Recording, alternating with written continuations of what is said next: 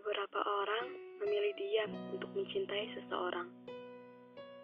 Diam di sini tidak bisa menceritakan perasaan yang sebenarnya kepada orang lain. Mungkin salah satu dari kalian pernah ngerasain ini. Ya kan? Wajar. Terkadang banyak faktor yang membuat kita enggan bercerita kalau kita sering jatuh cinta atau bahkan hanya mengagumi seseorang.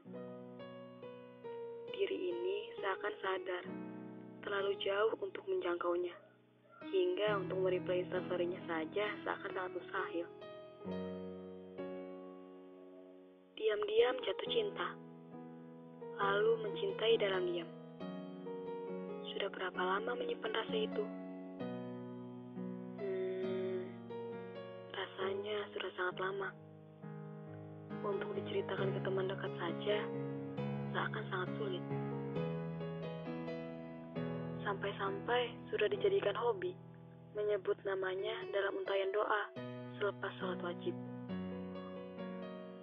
Tidak cukup nyali untuk memulai semuanya. Banyak mulut yang nantinya membuat semuanya kacau.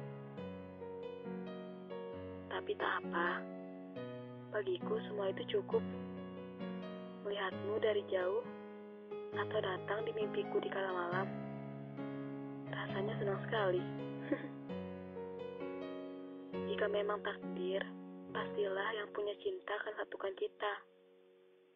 Toh banyak yang bilang bahwa cinta tak harus memiliki.